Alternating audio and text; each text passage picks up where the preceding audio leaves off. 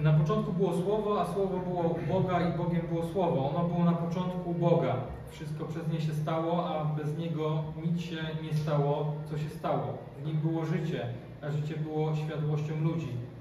E, a ta światłość świeci w ciemności, ale ciemność jej nie ogarnęła. Dziękuję, usiądźmy. Tylko pięć, e, tylko pięć wersetów, e, ale myślę, że to i tak będzie dużo na dzisiaj. I e, zauważcie, że Jan rozpoczyna swoją Ewangelię tak, jak zaczyna się dobry film Hitchcocka. Oszołamia nas opisem Jezusa Chrystusa. Nie wspomina Jezusa aż do 17 wersetu, ale od razu staje się jasne, że mówi E, o Jezusie i dlatego moje skojarzenie z Alfredem Hitchcockiem, nie wiem czy widzieliście jakieś jego filmy, ale tam zaczyna się właśnie e, zwykle akcją, e, potem to troszeczkę upada i potem znowu narasta, także gdzieś takie skojarzenie miałem. I zamiast zaczynać od historii jego narodzin, Jan konfrontuje nas, konfrontuje czytelnika z jego bóstwem wieczności, z bóstwem Jezusa. I Mojżesz rozpoczyna e, Księgę Rodzaju, Mojżesz jak wierzymy, tradycyjnie, e, w rodzaju 1.1, konfrontując nas z majestatem Boga. Mówi, na początku było słowo, na, po, no właśnie, już ja cytuję. Na początku Bóg stworzył niebo i ziemię. To, to jest Księga Rodzaju. Na początku Bóg stworzył niebo i ziemię. I w ten sam sposób Jan w 1.1 konfrontuje nas z majestatem Jezusa Chrystusa. Na początku było Słowo, a Słowo było u Boga, a Bogiem było Słowo. Jan chce, abyśmy podziwiali Jezusa jako Boga i jako tego, który objawia nam niewidzialnego Boga. Tak jak Słowo, które wypowiadamy, objawia niewidzialną myśl. Myślę, że to jest bardzo dobry przykład i bardzo dobre skojarzenie. Kiedy wypowiadamy Słowo, ono objawia nam e, niewidzialną myśl. I zrozumienie e, przyjęcie i przyjęcie prawdy, że Jezus Chrystus jest w pełni Bogiem, jest fundamentalne dla wiary chrześcijańskiej i kluczowe dla Twojej osobistej wiary. E, I zastanawiałem się, jak pisałem e, to, to kazanie, korzystałem z wielu komentarzy, trochę dzisiaj też będę cytował, czy potrzebujemy takiego kazania, czy, czy nie przejść e, troszeczkę nad tym pierwszym rozdziałem i nie, nie pójść w stronę bardziej praktycznego tak, zastosowania Ewangelii Jana. E, ale doszedłem do wniosku, że potrzebujemy jako ludzie, jako wierzący, ale przede wszystkim jako grzeszni ludzie, którzy mają tendencję do zapominania, e, tego, żeby zobaczyć, skąd my czerpiemy naszą wiedzę e, o doktrynie. Chociażby takiej, że Jezus jest Bogiem, że Jezus od zawsze był i tak dalej, i tak dalej. I myślę, że warto się w to zagłębić, i też pokrzepić naszą wiarę. Przypomnieć sobie na nowo, że tak wierzymy i dlaczego tak wierzymy. I, i biskup Mule stwierdził kiedyś, niestety nie, nie znalazłem e, źródła, e, takie zdanie. Zbawiciel, który nie jest do końca Bogiem, nie jest, e, jest mostem zerwanym na końcu, e, czy to na drugim końcu. E, Zbawiciel, który nie jest do końca Bogiem, jest mostem zerwanym na, na drugim końcu, po przeciwnej stronie. E, idziesz, idziesz mostem, ale na koniec i tak nie przejdziesz na tą drugą stronę, jeśli Zbawiciel nie jest do końca Bogiem. John Mitchell ujął to następująco. Jeśli Jezus nie jest Bogiem, to jesteśmy grzesznikami bez Zbawiciela. Jeśli Jezus był tylko człowiekiem, to umarł za własne grzechy, a my wciąż jesteśmy w naszych grzechach. Nie mamy nadziei. Aby pojednać grzesznych ludzi ze świętym Bogiem, Jezus musi być Bogiem w ludzkim ciele. I Jan umiejętnie przedstawia to w prologu. Prolog to jest e, w pierwszym rozdziale 1 do 18, wersety 1 do 18 e, w swojej Ewangelii. I, i Colin Cruz e, który napisał komentarz akademicki do e, Ewangelii Jana, wskazuje na takie rzeczy, że w tym prologu prolog wprowadza główne tematy, które mają się pojawić w całej Ewangelii. I znowu to jest to odniesienie do filmu Hitchcocka, że o czym, o czym będzie. Oczywiście nie zdradza wszystkiego, ale komunikuje. I na przykład mamy preegzystencję Jezusa, odwieczność Jezusa, zjednoczenie Jezusa z Bogiem,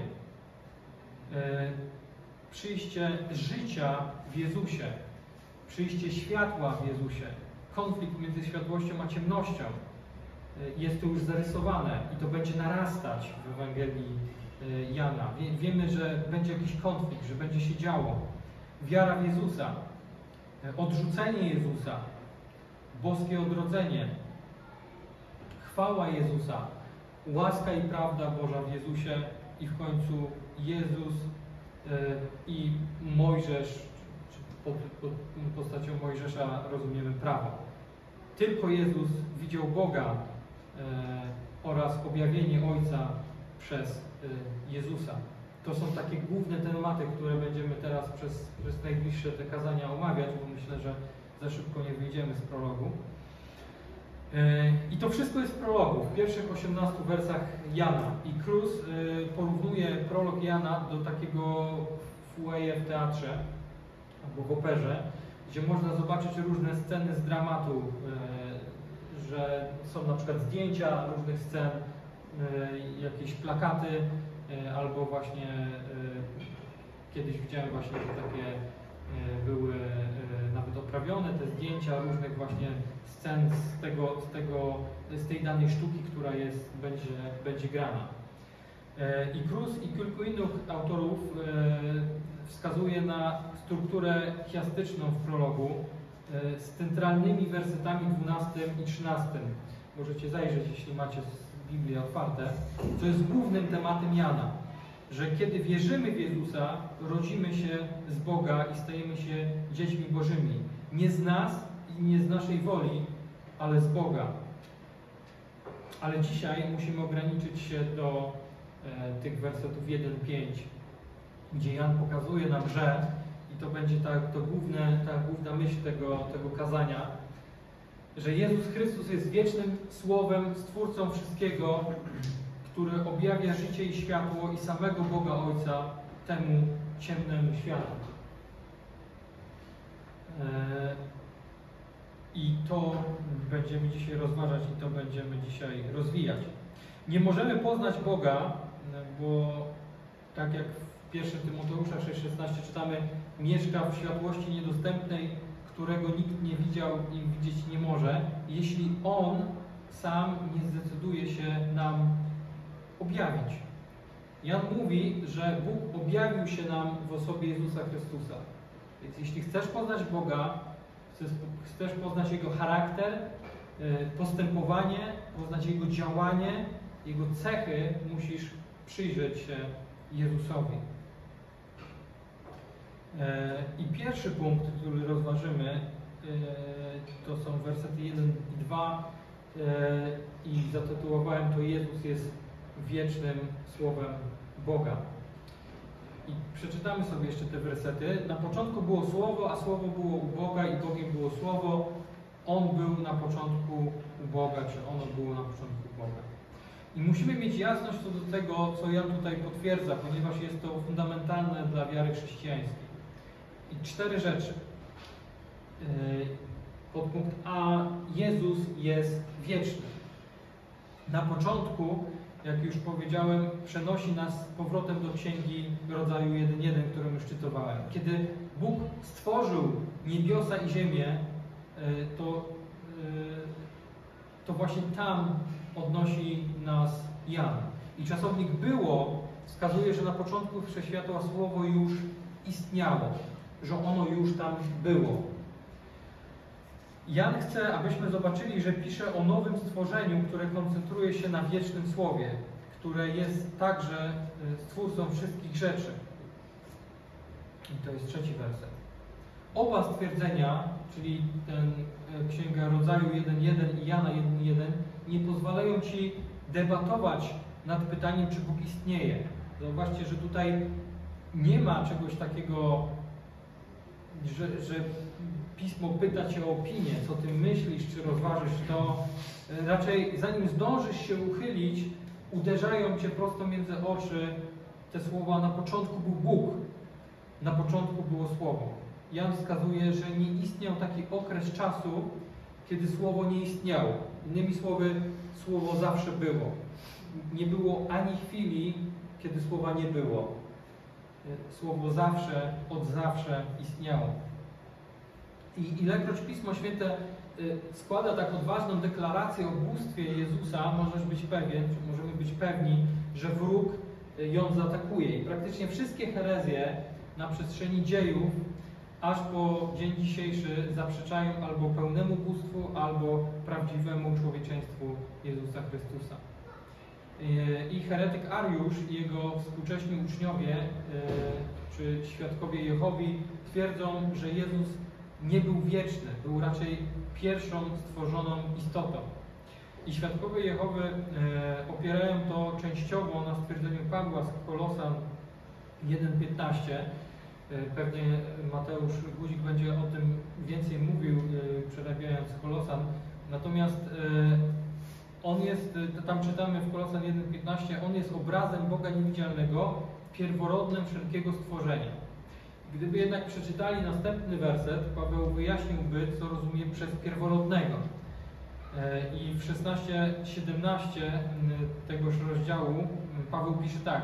Przez Niego bowiem zostało wszystko stworzone, zarówno to, co w niebiosach, jak i to, co na ziemi, byty widzialne i niewidzialne, czy trony, czy panowania, czy naziemskie władze, czy zwierzchności. Wszystko przez Niego i dla Niego zostało stworzone. On jest przed wszystkimi rzeczami i w nim wszystko się łączy.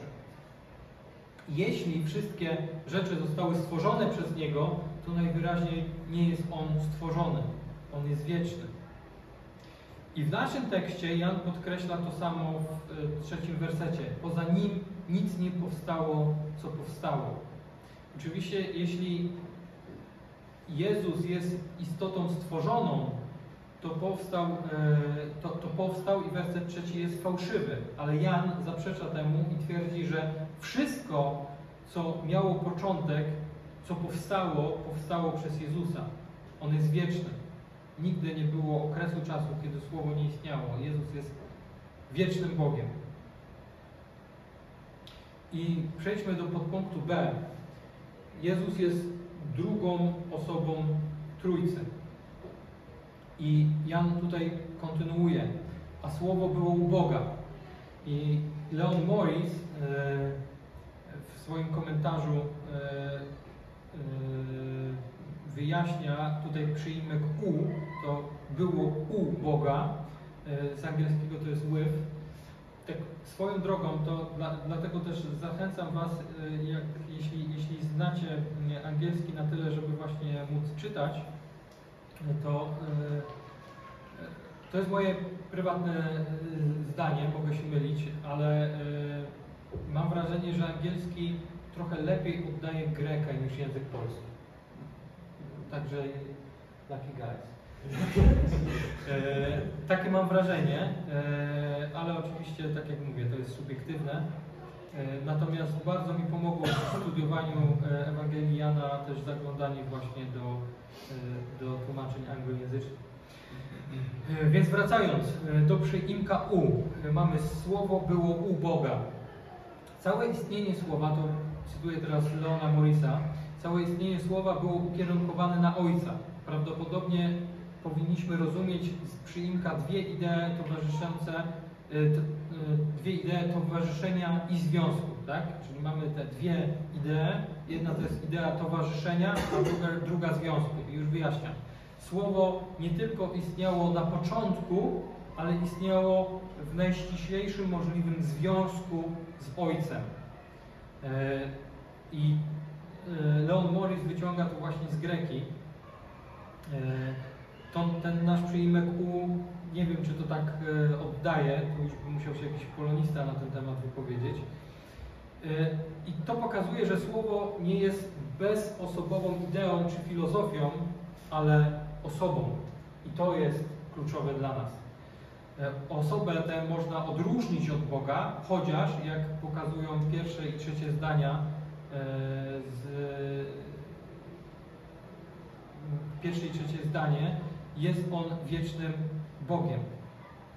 I w wersecie drugim e, Jan potwierdza dwie pierwsze, e, dwie pierwsze e, słowa z wersetu pierwszego, zarówno dla podkreślenia, jak i upewnienia się, że rozumiemy, co mówi. Słowo było na początku Boga, podczas gdy Słowo jest Bogiem. Słowo różni się od Boga.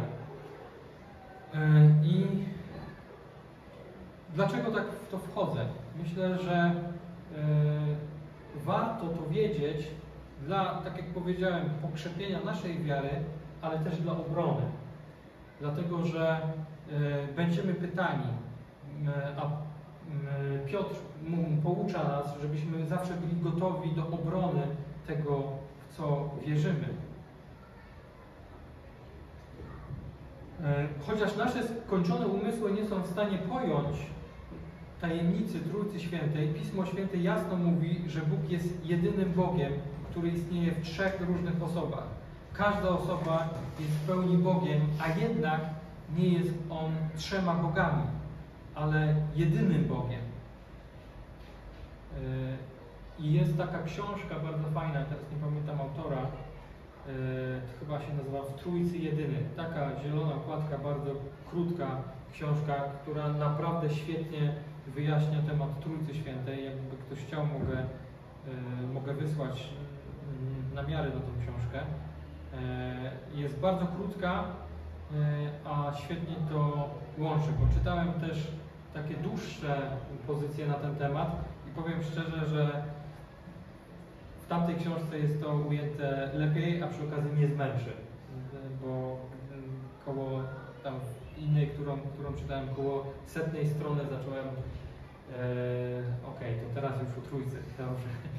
E, a, a tutaj ona jest naprawdę krótka, mogę ją przynieść, może za tydzień Wam pokazać. Ok, przejdźmy do punktu C. Jezus jest Bogiem. I znowu, e, wydaje się to być oczywiste, szczególnie jeśli jesteśmy przez Boga nawróceni, ale zagłębmy się w to i zobaczmy, jak to udowadnia Jan. Trzecia fraza brzmi, a słowo było Bogiem. Jak stwierdza Morris, nic wyższego nie można powiedzieć, nic bardziej doniosłego. Wszystko, co można powiedzieć o Bogu, można również powiedzieć o Słowie. E, tego stwierdzenia nie należy w żaden sposób osłabiać.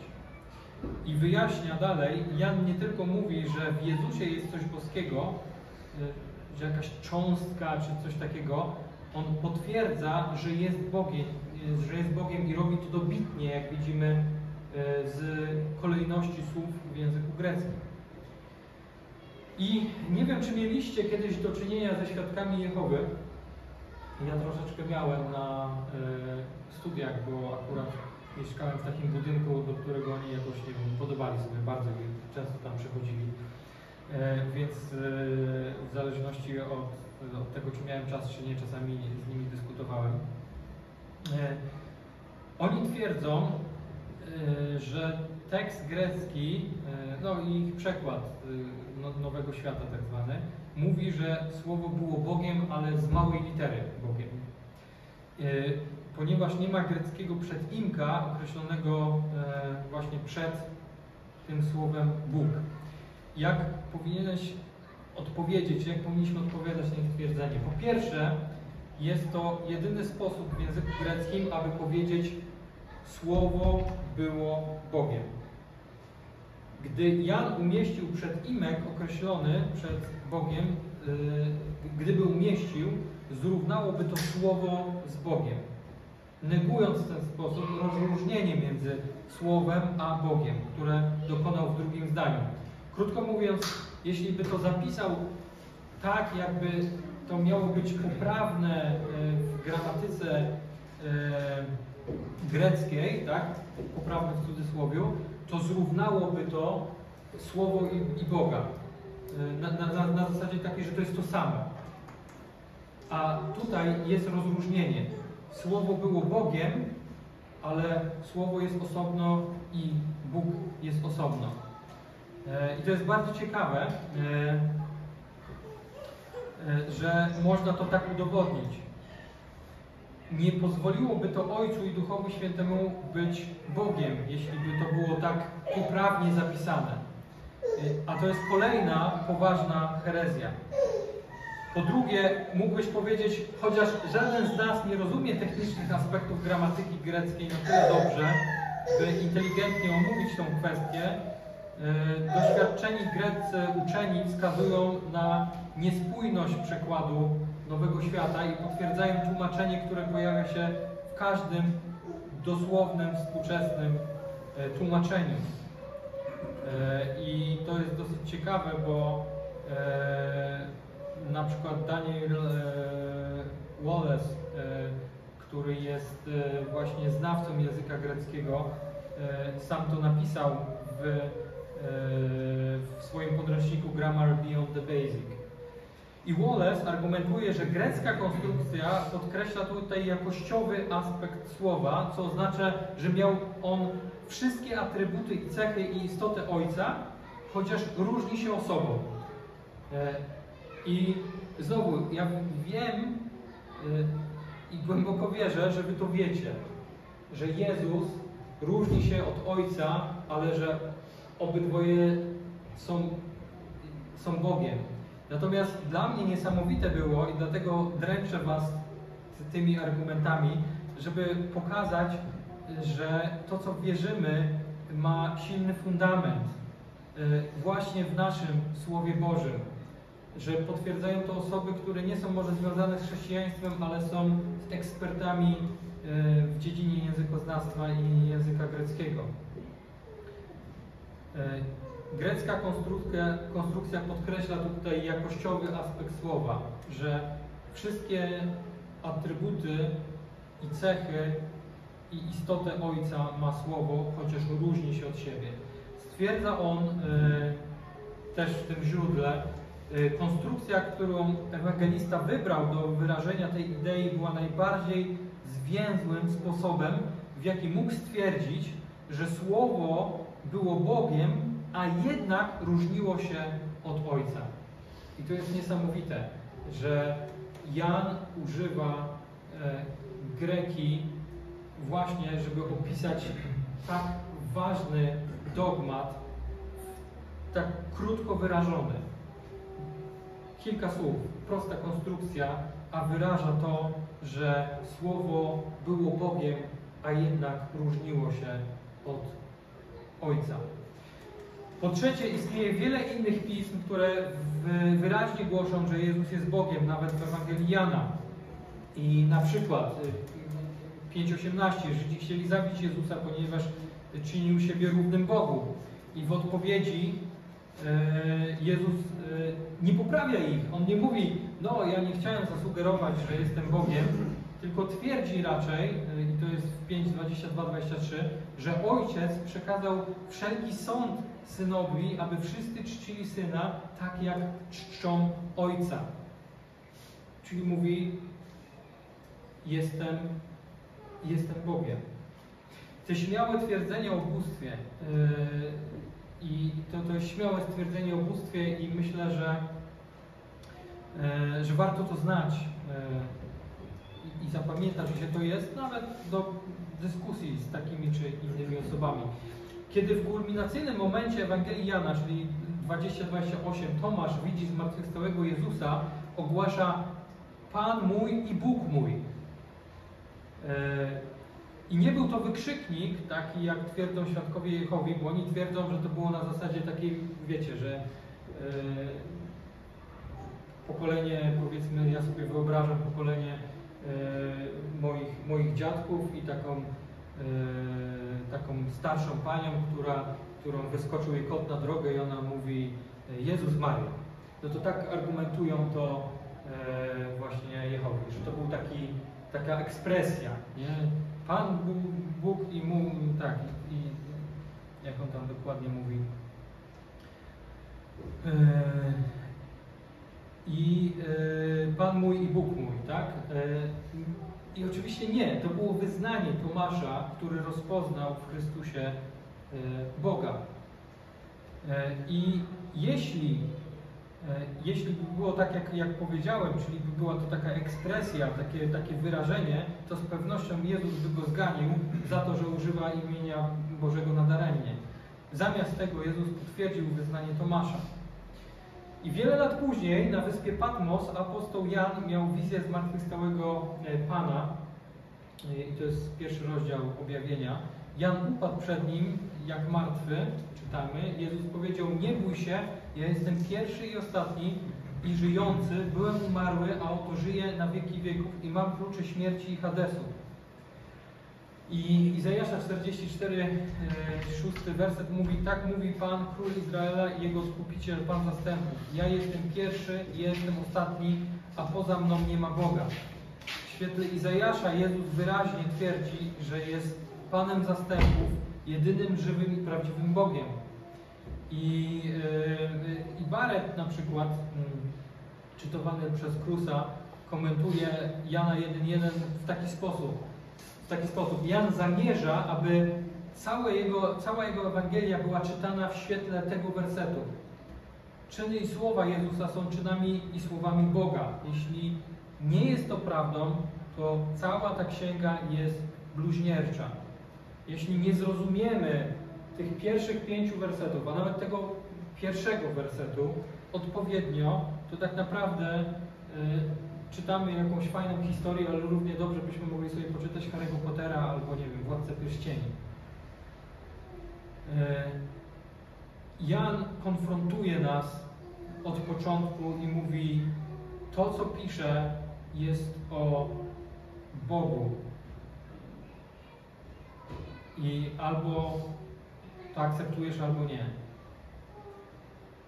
Tak więc hmm, Werset pierwszy potwierdza, że Jezus jest wieczny, jest drugą osobą Trójcy, jest Bogiem. I potwierdza również, że Jezus jest Słowem. I w Jana 1,14 wyraźnie dokonuje się ta, ta identyfikacja. Słowo ciałem się stało i zamieszkało wśród nas i ujrzeliśmy chwałę Jego, chwałę Jego jednorodzonego od Ojca, pełne łaski i prawdy. Napisano wiele stron na, na temat możliwych powiązań między koncepcją Słowa Jana w odniesieniu do tego, jak było używane w filozofii greckiej.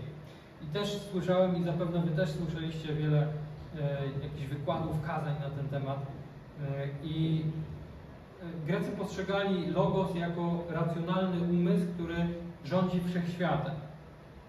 Taka idea. I problem polega na tym, że tak naprawdę nie wiemy, w jakim stopniu Jan mógł mieć na myśli greckie koncepcje, gdy nazywał Jezusa Słowem. I jest taka teoria, która mówi, że Jan użył tego słowa, żeby właśnie Grecy mogli to lepiej zrozumieć i tak dalej. Być może, nie mówię nie, ale no nie mamy takiego potwierdzenia, e, że tak na pewno było. I być może Jan, świadomy greckich idei, użył tego terminu, aby pokazać im prawdziwe znaczenie logosu. Czyli oni wymyślili jakąś ideę, a ja, mówię, ok, wymyśliliście fajne słowo, ale błądzicie, ja wam pokażę, co tak naprawdę znaczy ten wasz logos. Myślę jednak, że wyraźnie y, powiązanie Jana 1 z Księgą Rodzaju 1 przede wszystkim zakorzenia jego znaczenie logosu w Starym Testamencie. I Księga Rodzaju 1 wielokrotnie stwierdza i rzekł Bóg. E, Psalm 33,6 stwierdza, przez słowo Pana powstały niebiosa. Werset 9 powtarza, albowiem On rzekł i stało się. On rozkazał i się stało. Psalm 107 posłał słowo swoje i uzdrowił ich. Słowo Boże osiąga cel, dla którego zostaje posłane. To jest Izajasza 55:11. Słowo Boże ma moc stwórczą, a Jezus jest tym słowem. Kiedy więc Jan nazywa Jezusa słowem, oznacza to, że Bóg przemówił do nas i objawił się nam w osobie Jezusa Chrystusa, wiecznego Stwórcy wszystkich rzeczy. I jeszcze y, na koniec tego punktu y, dwie rzeczy rozważę. Jako słowo Jezus objawia, jaki jest niewidzialny Bóg. Nie możesz poznać moich myśli, jeśli nie wyrażę ich słowami. Może to jest proste stwierdzenie, ale życie w małżeństwie pokazuje, że często na tym się wykładamy. Nie możesz poznać moich myśli, jeśli nie wyrażę ich słowami. E, I oczywiście są różne techniki, możemy się obrażać, możemy się dziwnie zachowywać i tak dalej, ale tak naprawdę dopóki nie wyrazimy słowami myśli, to druga osoba nie jest w stanie poznać prawdy, co w naszej głowie siedzi. Jeszcze zakładamy, że to, co powiemy, będzie prawdą, a nie kłamstwem. I Bóg jest duchem, a zatem jest niewidzialny dla naszych skończonych e, e, zmysłów. I, Jan w 1,18 mówi, Boga nikt nigdy nie widział. Jednorodzony Bóg, e, i nie, co jest ciekawe w tym wersecie, to jednorodzony Bóg, niektóre manuskrypty czytają, czy sugerują syn, czyli jednorodzony syn, który jest na łonie Ojca, On go, tutaj lubię to tłumaczenie, wyjaśnił, jest objawił, tak? ale też możemy powiedzieć wyjaśnił i to jest chyba bliższe e, oryginałowi. Sam Jezus zapewnił w Jana 14,9 kto mnie widział, widział i Ojca. Tak więc tylko przez Jezusa możemy osobiście poznać e, Boga. Kto mnie widział, widział i Ojca. Dobrze, przejdźmy do jeszcze tej, tego, tego jednego, e, e, jednej idei. Jako słowo Jezus pokazuje naszą odpowiedzialność wobec Boga. To jest ciekawe. W liście do Hebrajczyków 1:1-2 czytamy: Bóg, który dawno temu przemawiał do ojców przez proroków na wiele sposobów, w dniach ostatecznych przemówił do nas przez Syna swego, którego ustanowił dziedzicem wszechrzeczy i przez którego stworzył świat. To jest w ogóle niesamowity werset, bo on też ustawia pewne rzeczy w porządku zbawienia e, i w porządku dziejów. Że Bóg przemawiał do ojców przez proroków na wiele różnych sposobów. Różnie to się odbywało na przestrzeni czasów ale w dniach ostatecznych przemówił do nas przez Syna swego, którego ustanowił dziedzicem wszech rzeczy i przez którego stworzył świat. Jeśli Bóg przemówił do nas przez Jezusa swoje słowo, to lepiej słuchajmy i bądźmy posłuszni Jezusowi. Bo to jest koniec objawienia, w sensie takim, że Jezus przekazał już nam wszystko, całą pełnię, którą musimy wiedzieć. Dlatego to jest też taka jakościowa zmiana. Jan w 3.36 mówi, e, czyli ta rozmowa z Nikodemem. Kto wierzy w Syna ma życie wieczne, kto zaś nie jest posłuszny Synowi, nie ujrzy życia, lecz gniew Boży ciąży na nim. Więc ignorowanie Słowa Bożego skierowanego do nas w Jezusie jest poważnym błędem. Jezus jest wiecznym Bogiem, autorytatywnym Słowem Bożym. Tak więc w wersetach 1 i 2 Jan e, zapewnia, że Jezus jest wiecznym Słowem Boga, odrębnym od Ojca, a jednak na równi z Bogiem e, Ojcem. Ojciec przemówił do nas w Jezusie Chrystusie. I przejdźmy do punktu drugiego. E, Jana 1:3. Wszystko przez Niego powstało, a poza Nim nic nie powstało, co powstało. I Wskazałem już, że jeśli wszystko, co powstało, powstało dzięki Jezusowi, to najwyraźniej Jezus nigdy nie powstał. On istnieje wiecznie. To mamy omówione. Natomiast Biblia naucza, że wszyscy trzej członkowie Trójcy Świętej, jeśli mogę tak powiedzieć, byli zaangażowani w stworzenie. Bóg Ojciec stworzył wszystko, ale uczynił to przez Jezusa Chrystusa i o tym pouczają nas y, na przykład wersety z Koryntian, z Kolosan, z Hebrajczyków. Również Duch Boży uczestniczył w stworzeniu, to jest rodzaju 1-2 i stwierdzenie Boga w 1.26 uczyńmy człowieka na nasz obraz sugeruje zaangażowanie Trójcy w stworzenie istot ludzkich. Natomiast e, spotkałem się również z innym wykładem tego fragmentu z 1.26, e, ale tradycyjnie tak jest e, rozumiany. E, że tutaj chodzi o Trójcę. Podobnie jak w przypadku osoby Chrystusa, nie jest przypadkiem, że szatan tak mocno zaatakował biblijną doktrynę stworzenia. Jeśli Bóg stworzył wszystko, co istnieje z niczego, słowem swojej mocy, to wbrew temu, co twierdzą ateiści, materia nie jest wieczna. Tylko Bóg jest wieczny. Stworzenie wskazuje również na niesamowitą moc i inteligencję Boga. Pokazuje nam, że jesteśmy skończonymi, ograniczonymi stworzeniami, dlatego musimy poddać się Bogu i polegać na Nim.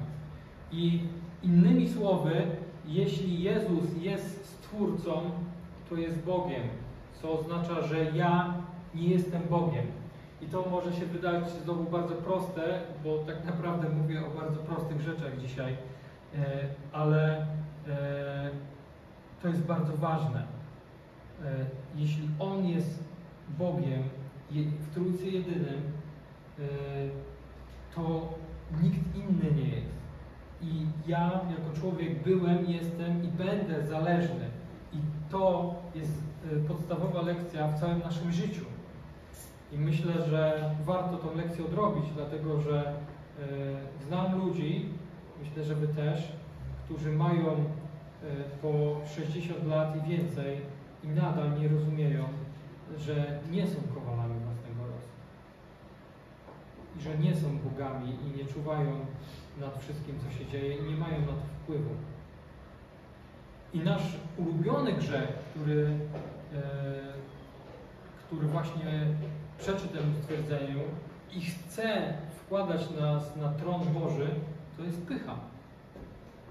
I, I to jest grzech, który właśnie nam pokazuje, że my chcemy być tacy jak, jak On i że to tak naprawdę nam się nie podoba, tak mówi nasza natura. Dlatego z pychą tak trudno jest walczyć, bo kryje się w zasadzie za, za każdym zakamarkiem E, naszych myśli. Trzeci punkt. Jezus jest autorem życia, e, co powinno kierować wszystkich ludzi ku Niemu. Czwarty werset. W nim było życie, a życie było światłością ludzi. Jan używa słowo życie 36 razy w swojej Ewangelii, więcej niż jakikolwiek, e, jakakolwiek inna księga Nowego Testamentu. I Carson argumentuje, że w świetle wersetów 1-3 życie e, odziedziczone w Słowie nie jest związane ze zbawieniem, ale ze stworzeniem. To jest ciekawe. Następna fraza, życie było światłością ludzi, wskazuje albo na fakt stworzenia człowieka, na obraz Boga, albo na sposób, w jaki niewidzialne atrybuty Boga, e, wieczna moc i boska natura są objawione w stworzeniu. I tutaj odwołanie oczywiście do Rzymian e, pierwszego rozdziału. Ale ponieważ Jan rozwija prawdę, że Jezus przyszedł na ziemię, aby przynieść duchowe życie tym, którzy są martwi w swoich grzechach i duchowe światło tym, którzy żyją w ciemności, werset czwarty może mieć podwójne znaczenie, wskazując na stworzenie, ale także na zbawienie, które przynosi Jezus. Innymi słowy, E, Jezus jest tym, który daje życie. Nic nie żyje bez woli Jezusa Chrystusa. I życie wieczne także odbywa się za zgodą, wyborem i suwerenną wolą Jezusa Chrystusa. Czyli to jest wniosek, który stąd powinniśmy wyciągnąć. Tak więc y, zastosowanie, jakie jest takie, że ci, którzy są duchowo martwi w swoich grzechach, potrzebują życia, a Jezus jest źródłem tego życia. Duchowo znajdują się w ciemności, ale kiedy rodzą się na nowo, zapala się światło. Jak ujął to Paweł w liście, drugim liście do Koryntian, odnosząc się do tych, którzy giną, w których Bóg tego świata zaślepił umysły niewierzących, aby nie widzieli światła Ewangelii, chwały Chrystusa, która jest obrazem Boga. Albowiem Bóg, który powiedział światłość ciemności świeci, jest tym, który zabłysnął w naszych sercach, aby dać światło poznania chwały Bożej przez Chrystusa. I tutaj tylko wtrącę małą dygresję, dlatego tak ważne jest, żeby znać Biblię. Zauważcie, do ilu wersetów się y, odnoszę i jak czytam komentarze, jak przygotowuję się do, do kazań, e, to też jestem pod wrażeniem, ile tam jest ludzi, którzy to przestudiowali, którzy też łączą te, te fakty. I którzy potwierdzają właśnie pismo e, pismem. Dlatego gorąco Was zachęcam, żeby na za dwa tygodnie naprawdę przeczytać tę Ewangelię Jana. To jest jedna sprawa, a w ogóle, żebyśmy czytali Biblię w kółko i żebyśmy ją znali, żebyśmy ją zapamiętywali, żeby nam klikało, że jeśli mówimy o jednym, to o tym mówi jeszcze ta księga, tamta księga i o tym Paweł tu wspomina, a Jezus tutaj, żebyśmy byli tego świadomi. E, czwarty, ostatni punkt. Jezus jest e, jedynym źródłem prawdziwego światła w tym duchowo mrocznym, ciemnym świecie. To jest piąty werset, ostatni. Światło świeci w ciemności, a ciemność jej nie ogarnęło. E, I słowo przetłumaczone jako ogarnęła może mieć dwa znaczenia. Na przykład jak ktoś mówi, ja nie ogarniam, to co to znaczy? Że nie rozumie, tak? E, może oznaczać zrozumienie lub pojmowanie umysłowe, lub może oznaczać pokonanie lub uchwycenie czegoś w sensie fizycznego opanowania tego. I jeśli odnosi się do stworzenia, to Jan ma na myśli, że kiedyś Bóg powiedział, niech stanie się światłość e, i pokonała ona ciemność. Jeśli zapalisz światło w ciemnym pokoju, ciemność zniknie, a światłość zwycięży. Ale Jan używa tutaj czasu teraźniejszego, co prawdopodobnie koncentruje się na przyjściu Jezusa na ziemię i konflikcie między nim a mocami ciemności, który rozwija się w tej Ewangelii. Znowu tutaj odniesienie do filmów Hitchcocka. Jan zapowiada, będzie walka, będzie się działo, będzie narastać konflikt i on będzie miał kulminację. I to zaraz mamy w, w tym prologu. Ukrzyżowali go, ale on powstał i pokonał ciemność. Jego zbawienie zwycięża duchową ciemność w każdym z nas, który oczywiście mu ufa.